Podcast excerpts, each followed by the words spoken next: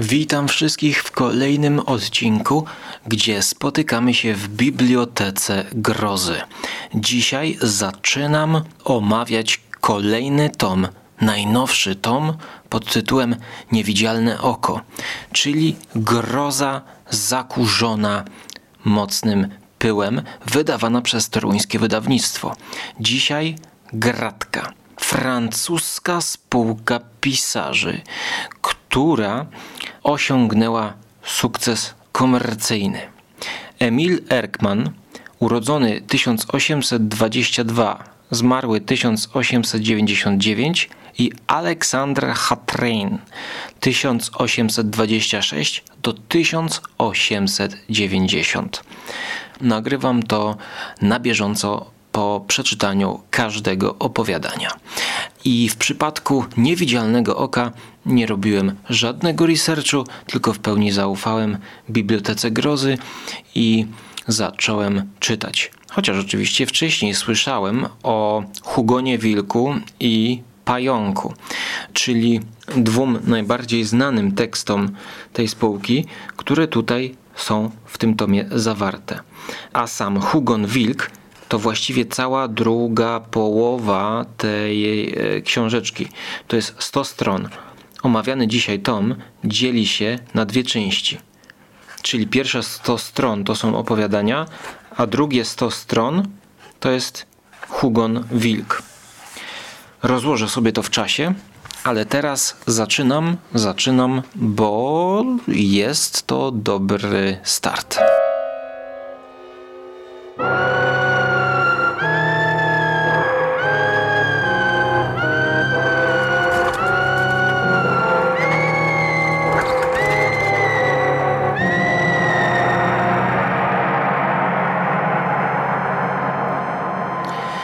Jest herbata. Poopowiadam Wam właśnie w tym podcaście o niewidzialnym oku. Mam nadzieję, że sprawi, że poczuję się lepiej. I Wy możecie poczuć się lepiej po tekście już pierwszego opowiadania. Jakże zagadkowy tytuł. Sowie ucho. Nie ma to nic wspólnego z miasteczkiem Twin Peaks ani z sowami. E, żywymi sowami, tylko z kształtem sowiego ucha. W tym krótkim tekście, który zaczyna się w lipcowy wieczór 1835 roku, poznajemy dziwne miejsce, pewną budowlę, która kształtem przypomina sowie ucho. Ale jak dochodzimy do tej budowli, to jest element dobrze skonstruowanej, krótkiej opowieści, to jest chyba 10 albo 11 stron, dochodzimy do tego poprzez swoiste śledztwo.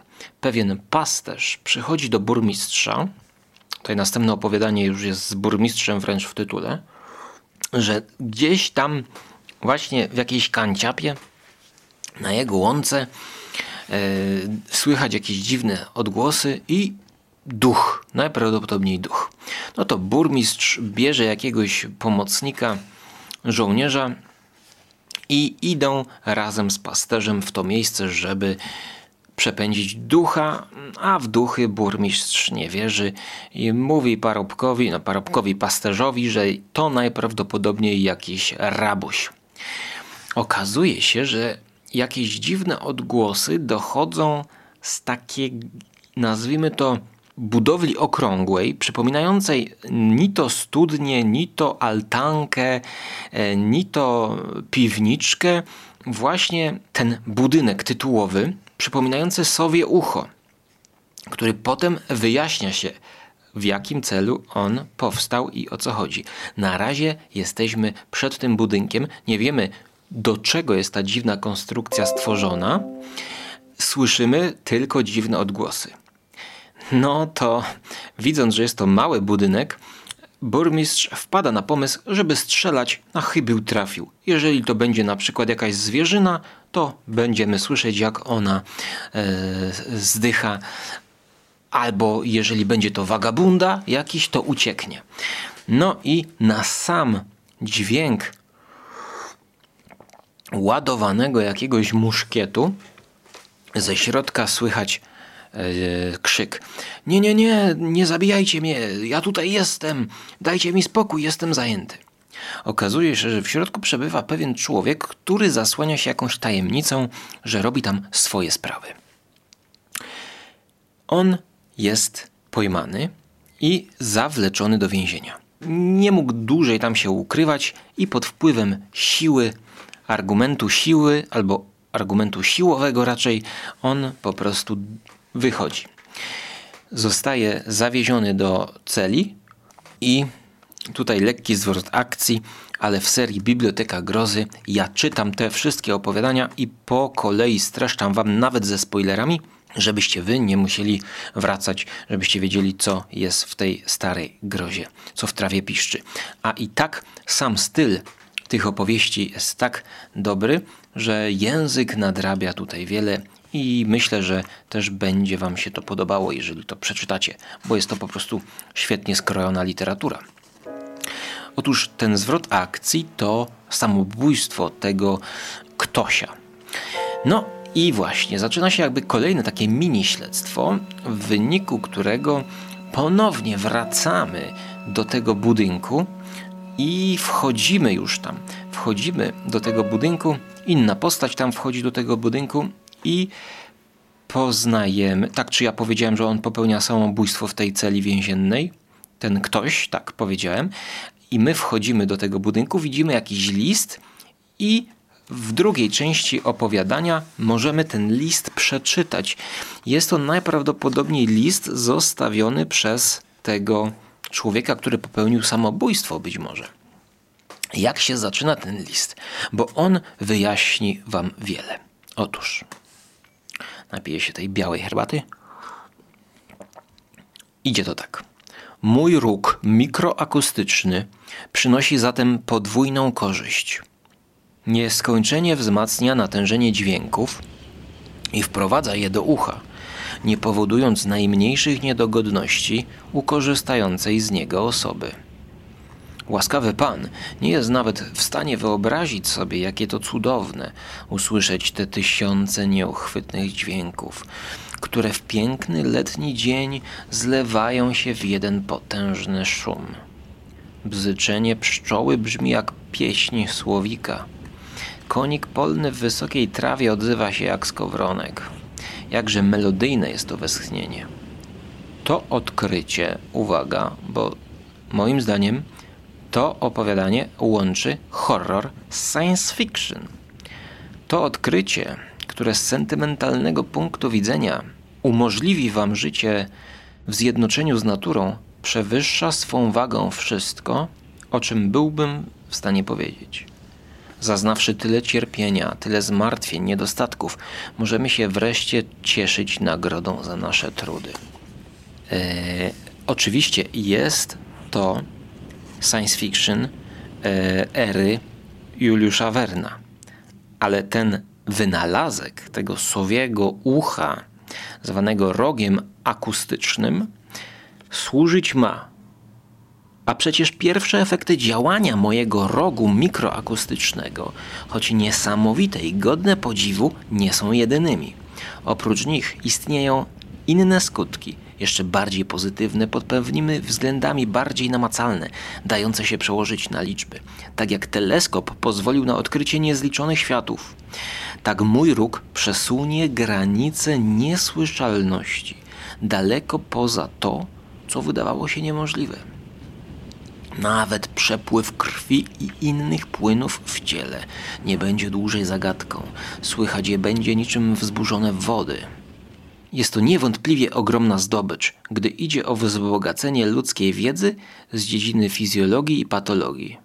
I tutaj dalej jest jeszcze no, opis tych potencjalnych możliwości, jakie powstaną dzięki temu wynalazkowi. List się urywa, a ten, który go przeczytał, to odbiera mu mowę, bo po tym, co przeczytał, to zastanawiał się, czy to bredzenie wariata, czy może dowód na zrealizowane pomysły geniusza. I ten człowiek powiesił się w celi. I cytat. Nikt nie odpowiedział na jego błagania. choć w zamian za swe odkrycie prosił tylko o kawałek chleba. Okropność. I taki człowiek powiesił się przepełniony zniechęceniem i rozpaczą. Długo siedziałem tam i rozmyślałem.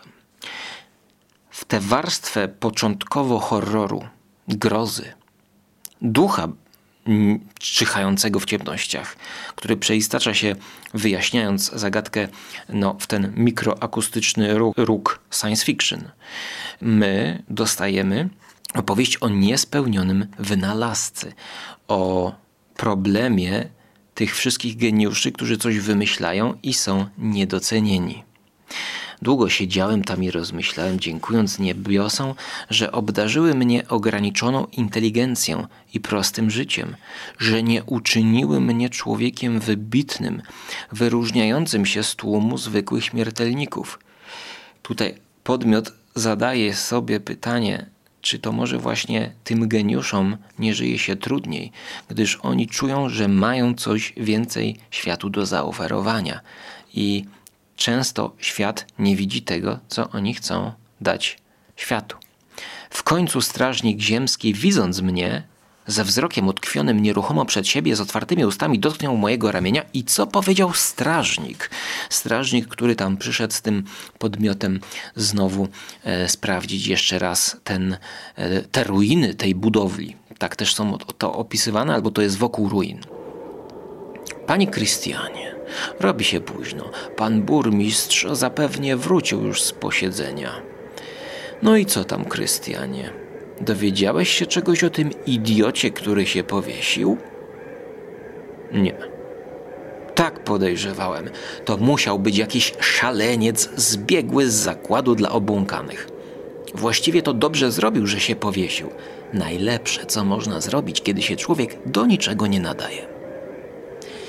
I tym strasznym zdaniem, no, biorąc pod uwagę jeszcze współczesne problemy z chorobami psychicznymi, to autorzy, ta spółka autorów pokazuje właśnie, jak świat traktuje niektórych ludzi. Powtarzam to zdanie. To musiał być szaleniec. Właściwie to dobrze zrobił, że się powiesił. To najlepsze, co można zrobić, kiedy człowiek się do niczego nie nadaje. No ale jest jeszcze jedno zdanie, które daje czytelnikowi nadzieję. Dlatego, że podmiot liryczny komentuje to dla czytelnika już, dla nas w taki oto sposób. Nazajutrz opuściłem Hirschwiller. Już nigdy tam nie powrócę. Koniec opowieści. I właśnie ja to przeczytałem już przed tym nagraniem drugi raz i powiem wam, że jest to świetne opowiadanie. Rewelacyjne, no podejmujące pewien trudny temat, niewygodny temat, no bo przecież kto będzie pochylał się nad E, wynalazcami, geniuszami, pisarzami, twórcami, którym się nie udało, których wynalazek został niedoceniony. Co można tutaj skrytykować? No to, że może jest tutaj za mało grozy, to, że może ten wynalazek z dzisiejszej perspektywy nie przydałby się tak bardzo jak e, ten koncept, e, który twórcy wymyślili, tak? No bo wysłuch jakiś super, nazwijmy to, że to był mikrofon, tak? Bo skąd to sowie ucho? Sowie ucho jest takie ostre, tak stoi może trochę jak kocie ucho. To ta budowla w środku była taka zakręcona i tam był taki szpikulec właśnie jak sowie ucho, który ponoć właśnie zbierał jak róg, e, jak taka trąbka zbierał te dźwięki z całej e, ziemi, być może e, właśnie poprzez e, piasek, ziemię i tak dalej. No to no dzisiaj mamy jakieś super czułe mikrofony. No i czy one się przyczyniły na przykład do poprawy jakości życia? Nie wiem. Dlatego tutaj to też można by tak się zastanawiać i sceptycznie na to patrzeć. No ale ten wynalazek równie dobrze mógłby być zupełnie dowolnym, innym wynalazkiem, który był na owe czasy wtedy niedoceniony. Horrorowy początek. Duch być może się czai w ciemnościach. Okazuje się, że w dziwnym miejscu zbudowanym przez siebie naukowiec już dogorywa, nie widząc szans na przyszłość i popełnia samobójstwo i okazuje się, że już jest za późno, żeby uratować tego człowieka i żeby go zrozumieć i mu pomóc. No, to jest też groza. Groza obyczajowa być może. Dobre opowiadanie na otwarcie tego tomu. A ja zabieram się do skończenia herbaty. I przypominam, że ta audycja sponsorowana jest przez patronów audycji z góry. Możecie rzucić coś na Patronite a niebawem jeszcze planuję otworzyć takie jednorazowe wpłaty, na przykład blikiem, bez żadnych zobowiązań, e, tak zwane postawienie kawki, ale o tym będzie w kolejnych audycjach, no a może w kolejnych wstawkach, bo różnie to bywa. Czasami przeczytanie jednego tomu opowieści grozy, przepraszam, biblioteki grozy zajmuje mi i miesiąc, bo ja sobie to sączę i degustuję się tymi tekstami. Ale jeszcze jak tutaj jesteśmy, to powiem, że Tę wstawkę nagrywałem 5 września 2021 roku i jeszcze zostały mi dwa opowiadania Roberta Eichmana z y, tomu W głębi lasu i one też wejdą do Biblioteki Grozy. No to jest co prawda Misterium Grozy, wydawnictwo dziewiątka, ale to nadaje się doskonale do Biblioteki Grozy ja to tak odczuwam i odbieram. Właśnie taka Klasyczna groza, niecodzienna, zaskakująca. Tyle na dzisiaj w tej wstawce i do usłyszenia za kilka chwil.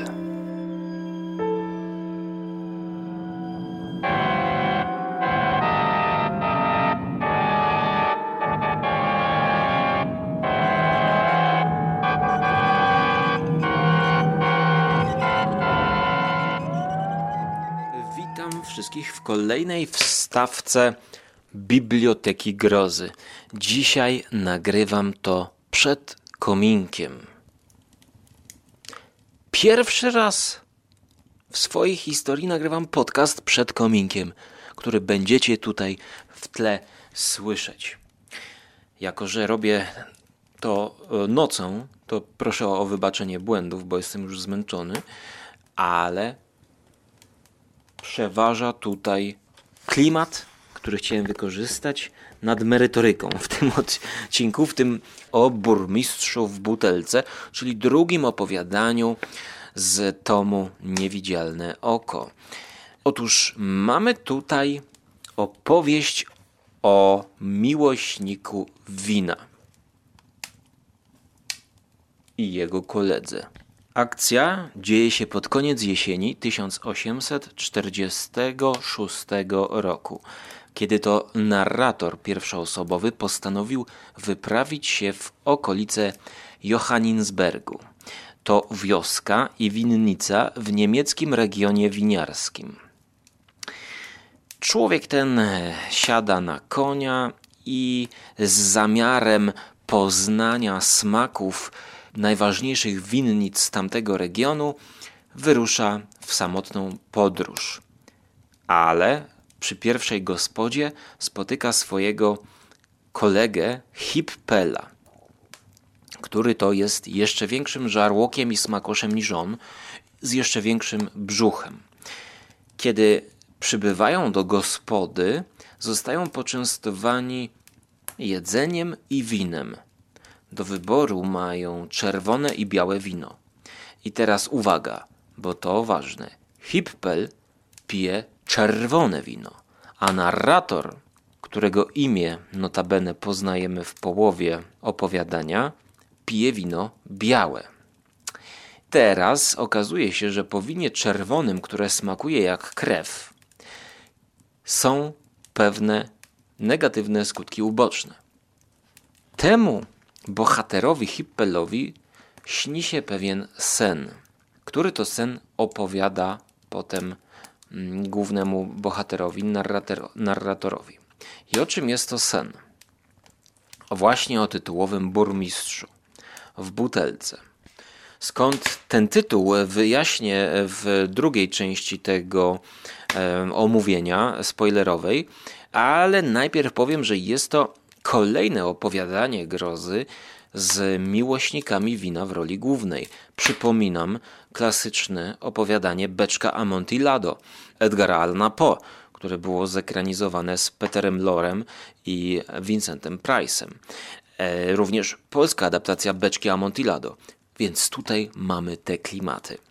Winobranie, wspaniały to czas, Jedna z moich butelek była zawsze pusta, druga zawsze pełna. Gdy tylko opuściłem jedną winnicę, na horyzoncie czekała już następna. Smuciło mnie jedynie to, że nie miałem przy sobie nikogo, z kim mógłbym dzielić przyjemność takiego podróżowania i kto byłby w stanie docenić ją tak jak ja. Pewnego wieczoru, gdy słońce zaszło, ale kilka zabłąkanych promieni wciąż wędrowało wśród dużych liści winorośli, usłyszałem za sobą tentent. Zjechałem lekko w lewo i ze zdziwieniem rozpoznałem w jeźdźcu swojego dobrego znajomego Hippela. I właśnie oni podróżują, ale do momentu pierwszych negatywnych skutków ubocznych. Nie chodzi tutaj o przepicie i kaca, ale o pewne sny, które nawiedzają tego hippela.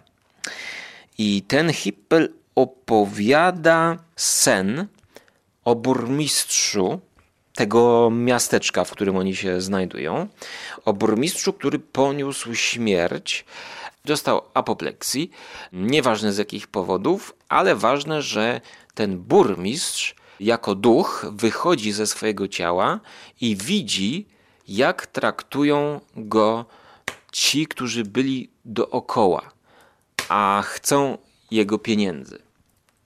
I to jest pierwsza negatywna cecha jakby tej duszy burmistrza, która to dusza zauważa, jak on był rzeczywiście traktowany za życia i jak i na czym zależało innym ludziom, czyli na pieniądzach, bo zaczęli mu przeszukiwać kieszenie, i te negatywne odczucia, te wszystkie wrażenia śnią się Hippelowi. Po przebudzeniu, oczywiście, jakby on chce przepić to i, i, i dodatkowo pije to wino. Ale temu bohaterowi śni się również teren, w którym to było wszystko, ca cała ta śmierć się odbyła.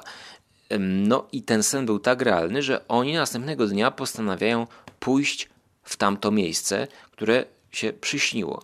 I rzeczywiście to, co przyśniło się Hippelowi, to mm, widzimy podczas dalszej części tej podróży. No i dochodzimy, tutaj y, będziemy zdradzać już o co chodzi, dochodzimy do cmentarza. Do cmentarza, przy którym rośnie winorośl. No i wchodzimy na ten cmentarz i okazuje się, że ta winorośl to jest y, krzak, z którego spokojnie można robić wino. I kiedy oni zaczynają rozmawiać bodajże z grabarzami, już nie pamiętam szczegółów, bo czytałem to 5 dni temu, to, oka- to właśnie nie okazuje się, to oni węszą, że ta winorośl, która rośnie na cmentarzu, która sięga aż po grób burmistrza, to, że z niej robiony jest trunek, albo że te winogrona są sprzedawane i właśnie wysyłane do tego sąsiedniego miasteczka mm, i jest robione z tego wino czerwone. Stąd też podział na czerwone wino i białe to zdrowsze wino w tym przypadku, ponieważ to czerwone wino posiada soki z cmentarza, czyli z tego grobu burmistrza, który to e, duch wchodzi poprzez żołądek do ciała i głowy i snów nawet Hippela. Tym takim nieprzewrotnym twistem, powiedziałbym, prostym rozwiązaniem, mówiącym nam i tłumaczącym nam dokładnie, dlaczego wszystko się wydarzyło, kończy się ta opowieść E, gdyby jeszcze nie jedno ostatnie zdanie, które tutaj ostatnie zdanie muszę wam zacytować, bo jest e, przekomiczne, ale w negatywnym tego słowa e, znaczeniu.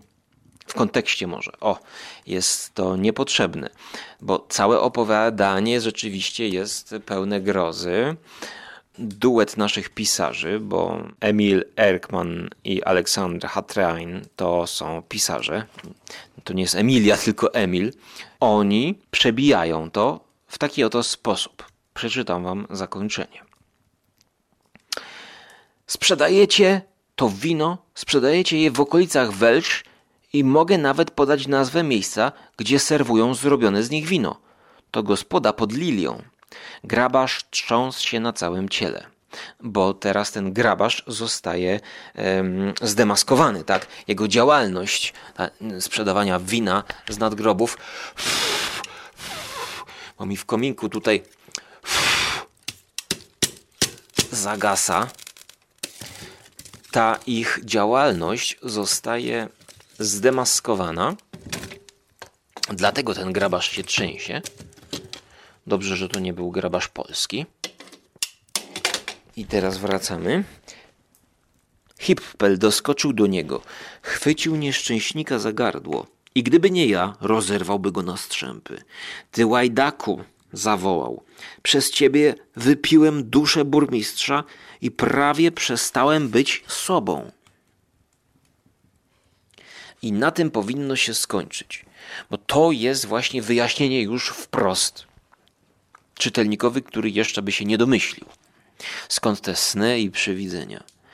Ale na koniec mamy akcent humorystyczny, który mnie tutaj no, rozłożył na łopatki w pewnym sensie.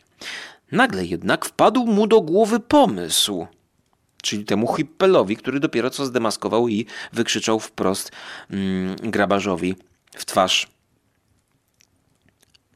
Hippel stanął przodem do muru i przyjął pozę słynnego brukselskiego mannequin piece.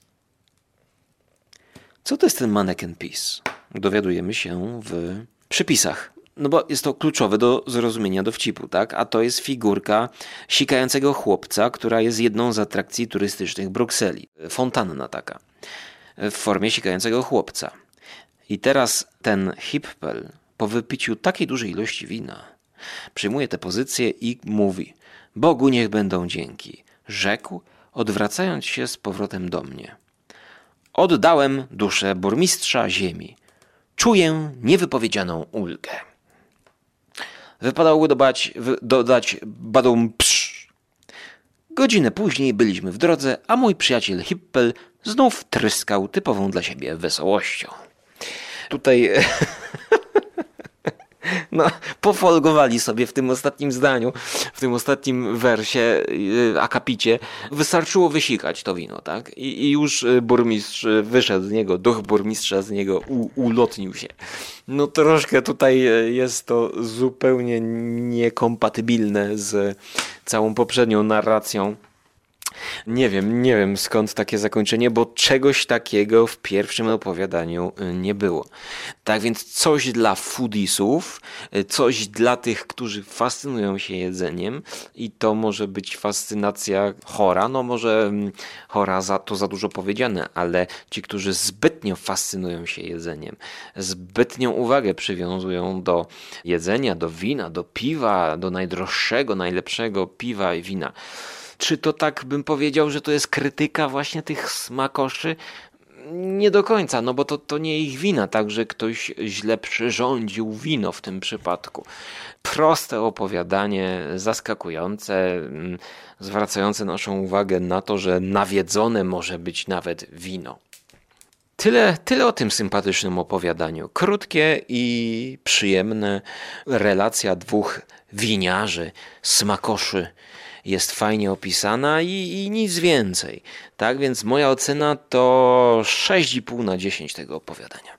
Wchodzę z powrotem do kominka i do usłyszenia w kolejnej wstawce.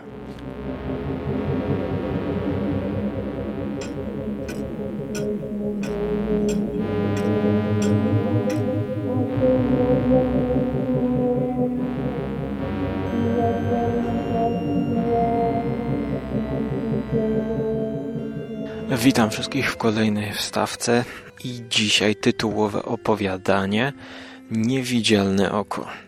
Jako, że nagrywam to w lesie, mm, nie mam internetu, więc bez researchu o autorach pozostajemy w opowiadaniu tytułowym które odbywa się mm, w tym czasie, kiedy narrator zamieszkał w starym domu przy ulicy Minesingerów w Norymberdze. Otóż, jeszcze zanim rozpoczniemy e, tę historię, to mogliście to już czytać. To opowiadanie było kiedyś wydane w jakimś zbiorze e, opowieści grozy, dlatego że ja je czytałem. Początkowo miałem déjà vu, No, że przecież skąd znam. Tak, tak facet siedzi i obserwuje drugi dom przez dachówkę. Wyrwaną z dachu, bo mieszka na poddaszu. Malarz. Stąd to tytułowe niewidzialne oko. Wyrąbana dachówka, przez którą on podgląda, co się dzieje w sąsiedztwie.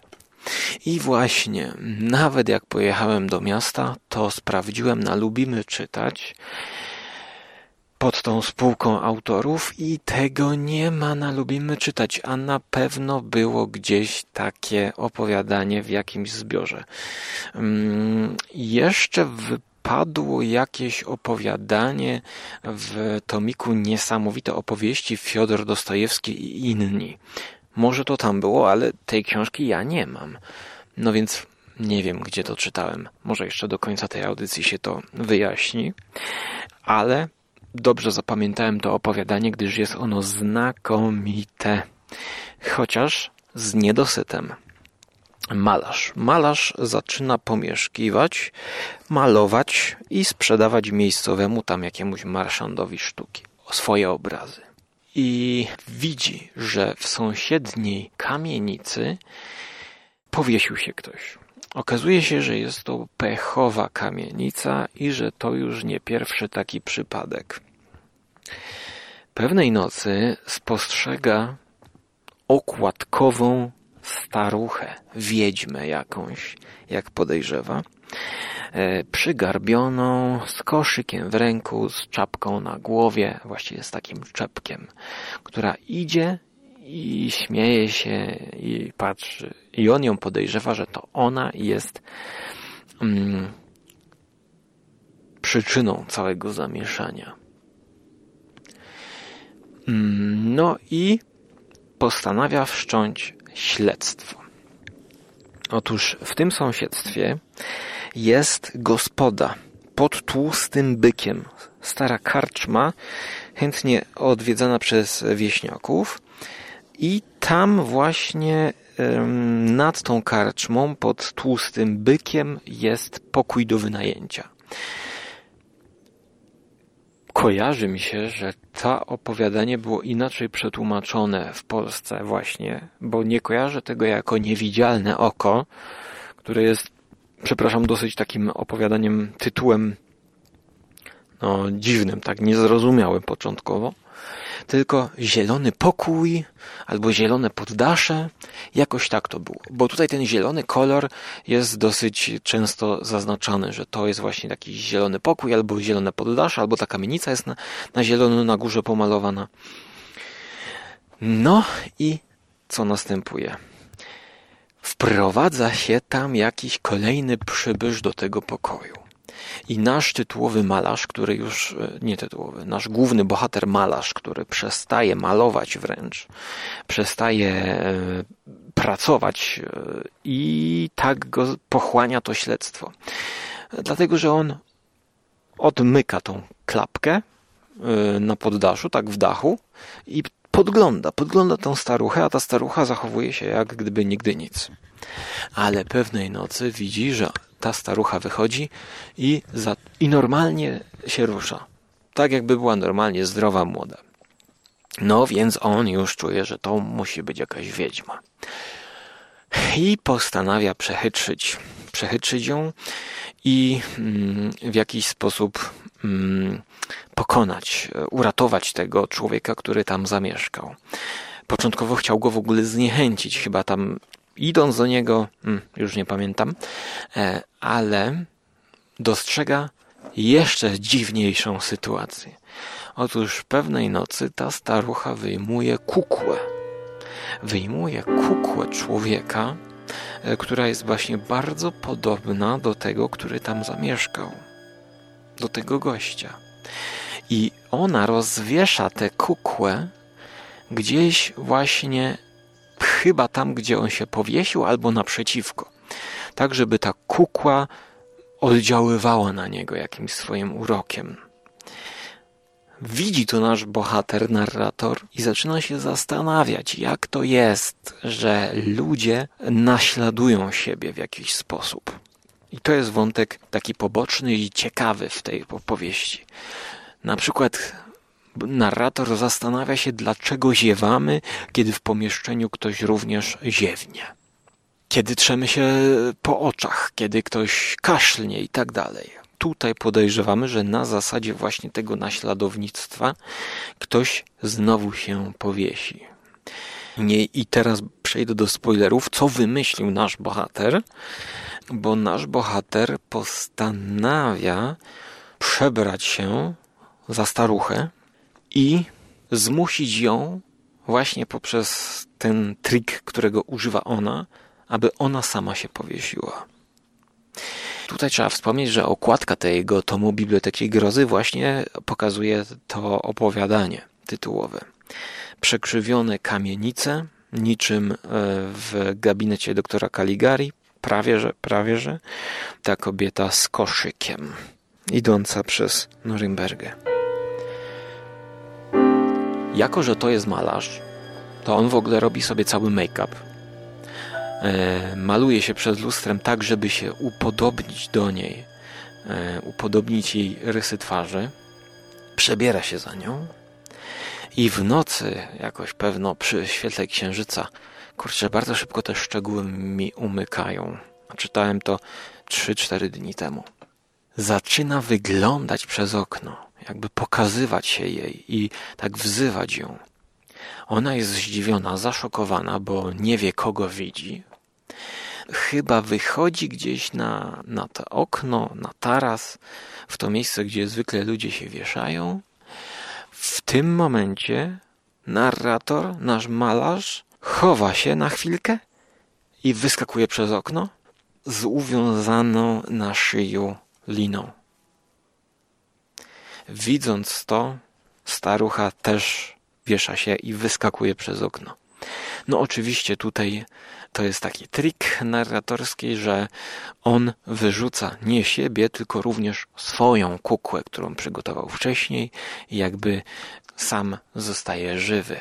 Tylko tą kukłą staruchy sugeruje jej, żeby popełniła samobójstwo. I właściwie jest to koniec z happy endem, opowiadanie bardzo takie jak na swoje lata dziwne, bardzo plastyczne. E, mamy tutaj malarza, ale to jest tak odmalowane, że czujemy tę dziwność, te, to, to przebieranie się tutaj starucha. Nie wiemy, czy ta wiedźma się przebiera za staruchę. Ten malarz znowu przebiera się za nią. Nagle ona wyjmuje jakąś kukłę wieśniaka, który przybył do tej karczmy, upodobnianie się pewnych postaci do drugich. Ten motyw tutaj jest bardzo ciekawie rozegrany. Dlaczego mówiłem o niedosycie na początku? No dlatego, że sama końcówka brzmi mniej więcej tak.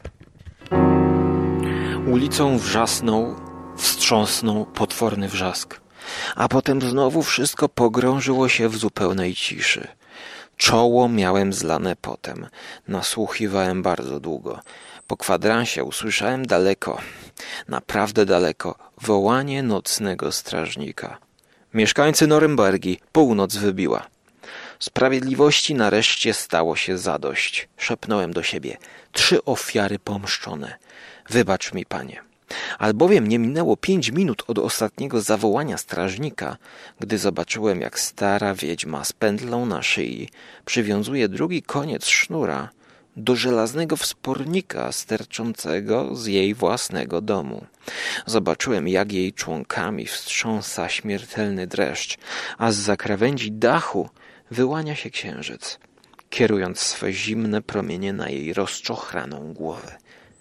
Tak jak niedawno widziałem nieszczęsnego młodego studenta z Heidelbergu, tak teraz ujrzałem Fledermaus, Fledermaus, ona też jest tak właśnie nazywana przez całe opowiadanie. Nazajutrz cała Norymberga wiedziała, że nietoperzyca się powiesiła. Był to ostatni tego rodzaju wypadek i na ulicy Minesginerów zapanował spokój. Minesingerów, przepraszam. I to jest koniec. No i ja się zastanawiam, kurczę, blade, jest tutaj śledztwo, śledztwo jest rozwiązane, kto jest sprawcą i sprawca jest od razu wyeliminowany poprzez e, ciekawy fortel. Ale brakuje mi tutaj, może już z perspektywy dzisiejszego czytelnika, który chciałby, żeby była opcja na sequel, żeby pokazał autor, że to zło jeszcze jakoś tam może odżyć, że jeszcze brakuje mi tego ukąszenia rodem z Creepshow czy z Twilight Zone, e, kiedy coś się może odwrócić. Nie wiem, nie wiem. Na przykład druga starucha tam wychodzi, albo przychodzi jakiś inny czwarty student i na przykład mamy przeniesienie narracji na tego studenta i ten student zaczyna się na przykład dziwnie czuć. No nie wiem, nie wiem, coś takiego. Tutaj jest to po prostu bardzo bardzo klasycznie rozwiązana zagadka mm, wraz ze śmiercią tego czarnego charakteru. Mm, mimo wszystko czyta się to rewelacyjnie elementy zaskoczenia, a właściwie może nie tylko zaskoczenia, gdyż od samego początku podejrzewamy przecież, że to jakaś wiedźma, ale elementy tej dziwności, chciałoby się powiedzieć dzisiaj weirdowości, że ona wyjmuje jakąś mm, kukłę, prawda? No mo, może to jest coś, ma na rzeczy jakieś łudu, ale przecież to było pisane e, we Francji. Mm, autorzy zmarli w 1899, a drugi w 1890. No to jeszcze wtedy e, łudu nie było tak rozpropagowane. Nieważne, nieważne. Ważne, że jest to świetne opowiadanie i warto je przeczytać. A ja teraz od razu, bez e, przedłużania, na tym samym tarasie, gdzie to nagrywam, e, przechodzę do drugiej opowieści, a właściwie już czwartej opowieści, e, pod tytułem Czarne i Białe.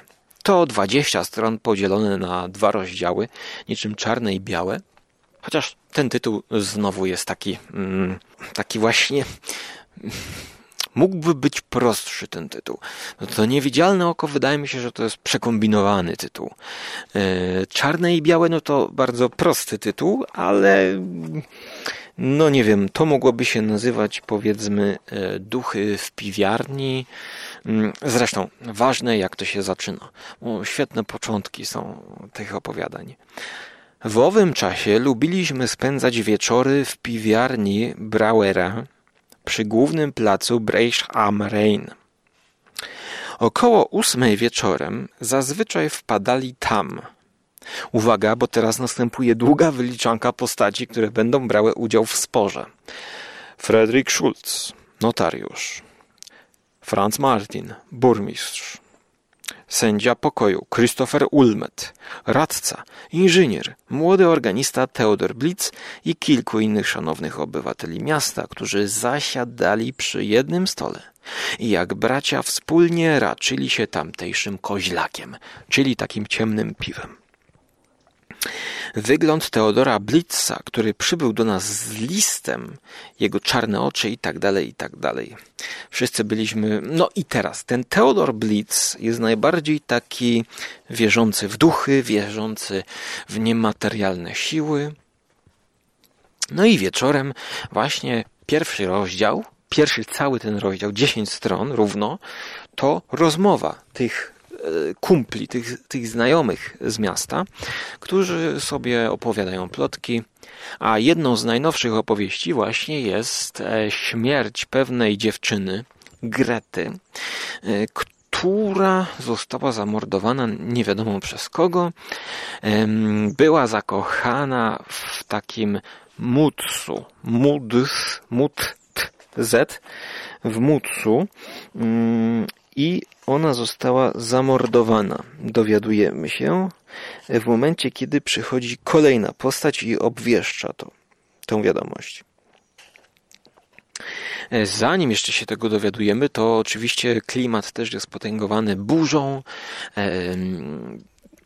piorunami, e, które są opisane właśnie jakby to pioruny, które rozjaśniają ciemność. Tak, biały kolor pioruna ciągle nawiązując do tytułu czarn, czarne i białe.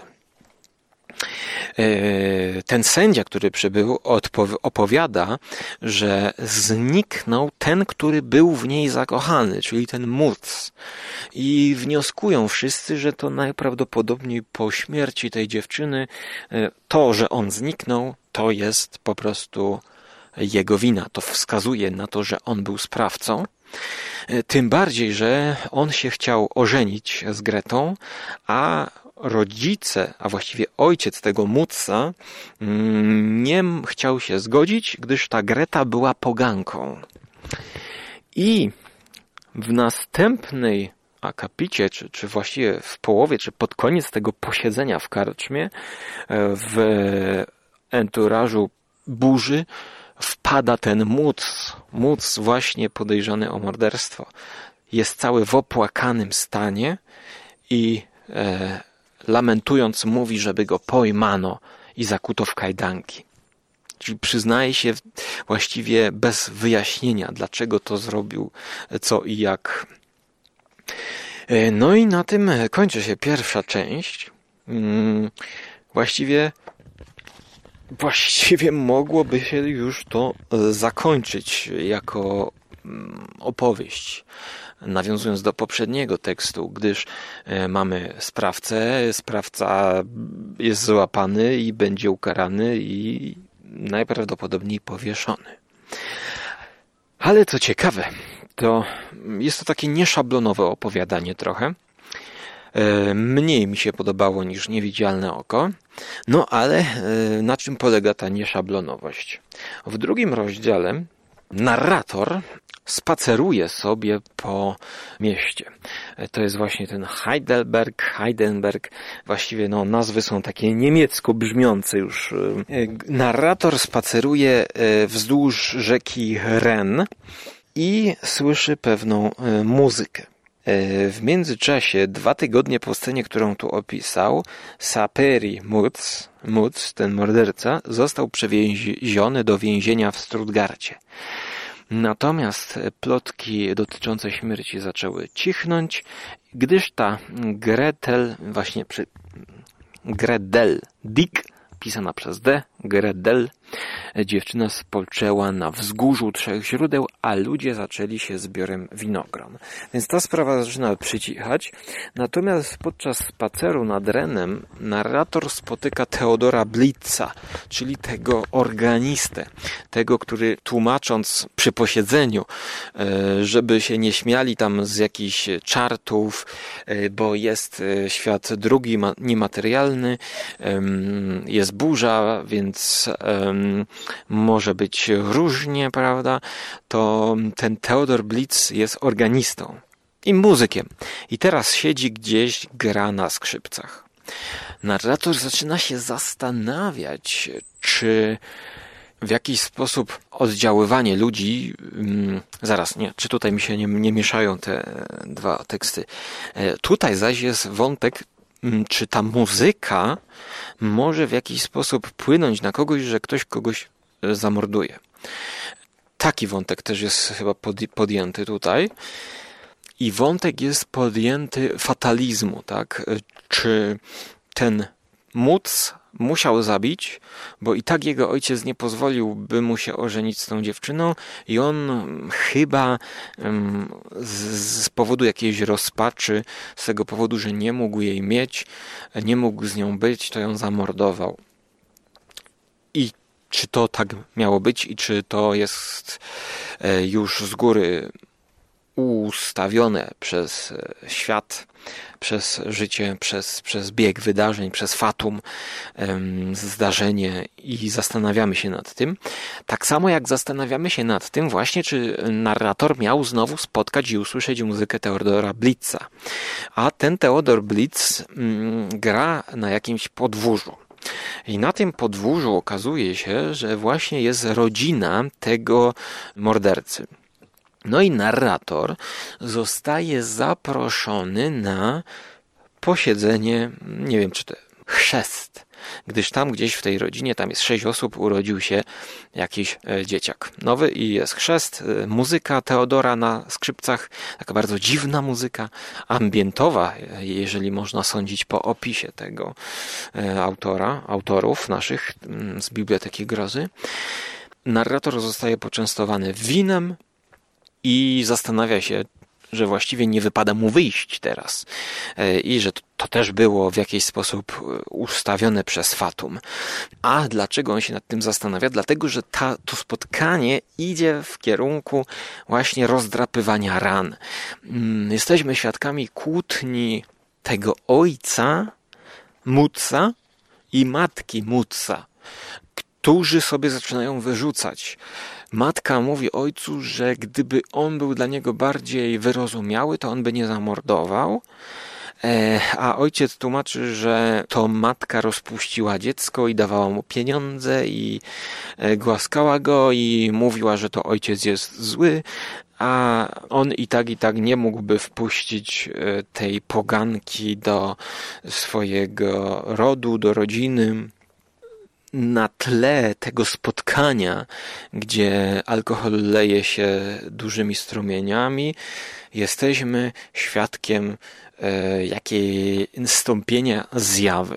Zjawy, którą najprawdopodobniej, znaczy na pewno jest ta Gretel e, i ta Gretel zabiera Mutsa, ale znowu ten Muc przecież jest w więzieniu, więc jest to jakaś taka scena chyba, która nam ma ukazać, jakaś taka wizja, która pokazuje, że ten Muc jest powieszony udaje się do tej kobiety.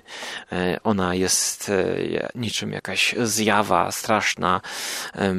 No i właściwie zakończenie jest takie niejednoznaczne tutaj.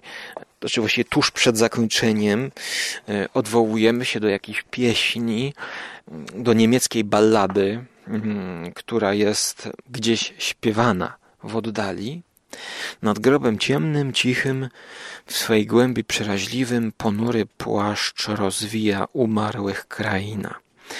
Koszmarna scena, która rozegrała się na moich oczach i tamten odległy melancholijny głos, by w końcu zamilknąć, zlały się w mej pamięci w jedno i wtopiły w nieskończoność.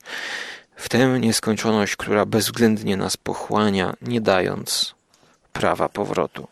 Jedni śmieją się z niej tak jak inżynier, Rotan w tej karczmie. Inni jak burmistrz drżą przed nią. Jeszcze inni jęczą żałośnie jak Teodor Blitz, pochylają się nad tą bezdenną otchłanią, by dojrzeć, co się tam dzieje. Ale wszyscy koniec końców trafiamy w to samo miejsce, a słynny napis w świątyni Izydy pozostaje na zawsze prawdziwy. Jestem wszystkim, co jest. Nikt nigdy nie przeniknął przez zasłonę tajemnicy, która mnie spowija i nikt nigdy przez nią nie przeniknie. Jeszcze uzupełniając tę wizję, to może jeszcze warto właśnie tę wizję tutaj przytoczyć, gdyż, gdyż to zakończenie jest no, nieszablonowe, jak dla takiej opowieści grozy z dreszczykiem. Gdy patrzyłem, moim przerażonym oczom zaczęły ukazywać się kolejne szczegóły tej bladej postaci.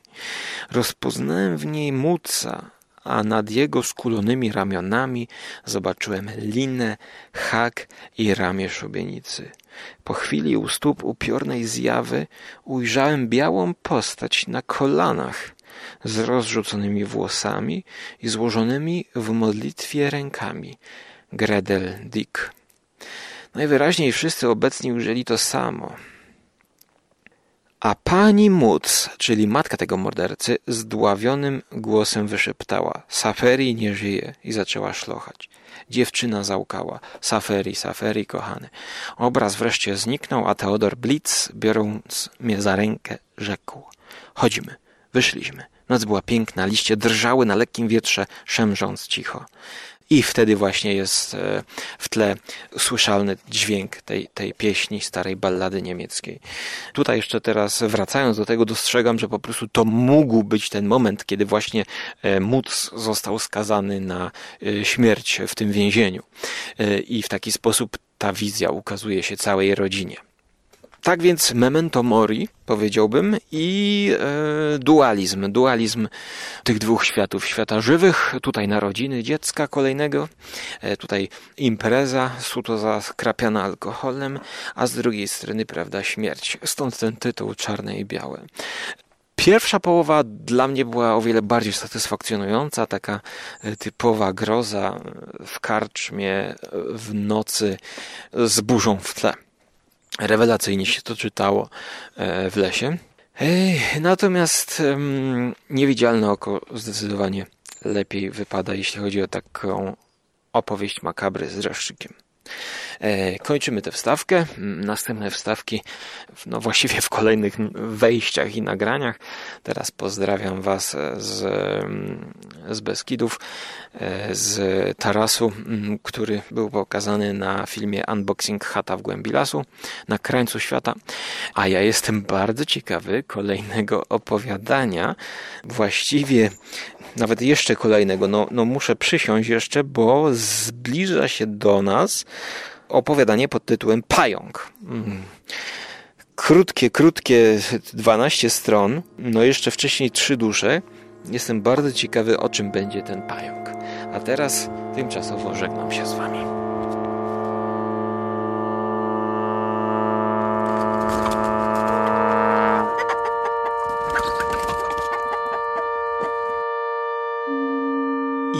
Niespodziewanie kończymy ten odcinek po to, by nie robić dwugodzinnego podcastu.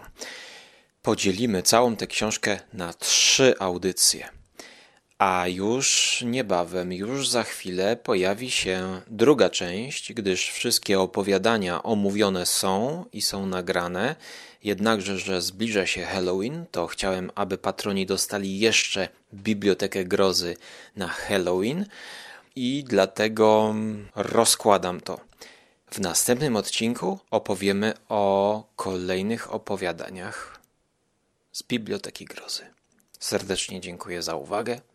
Życzę Wam wesołego Halloween i skupionego Dnia Wszystkich Świętych, a my usłyszymy się, mam nadzieję, w przyszłości.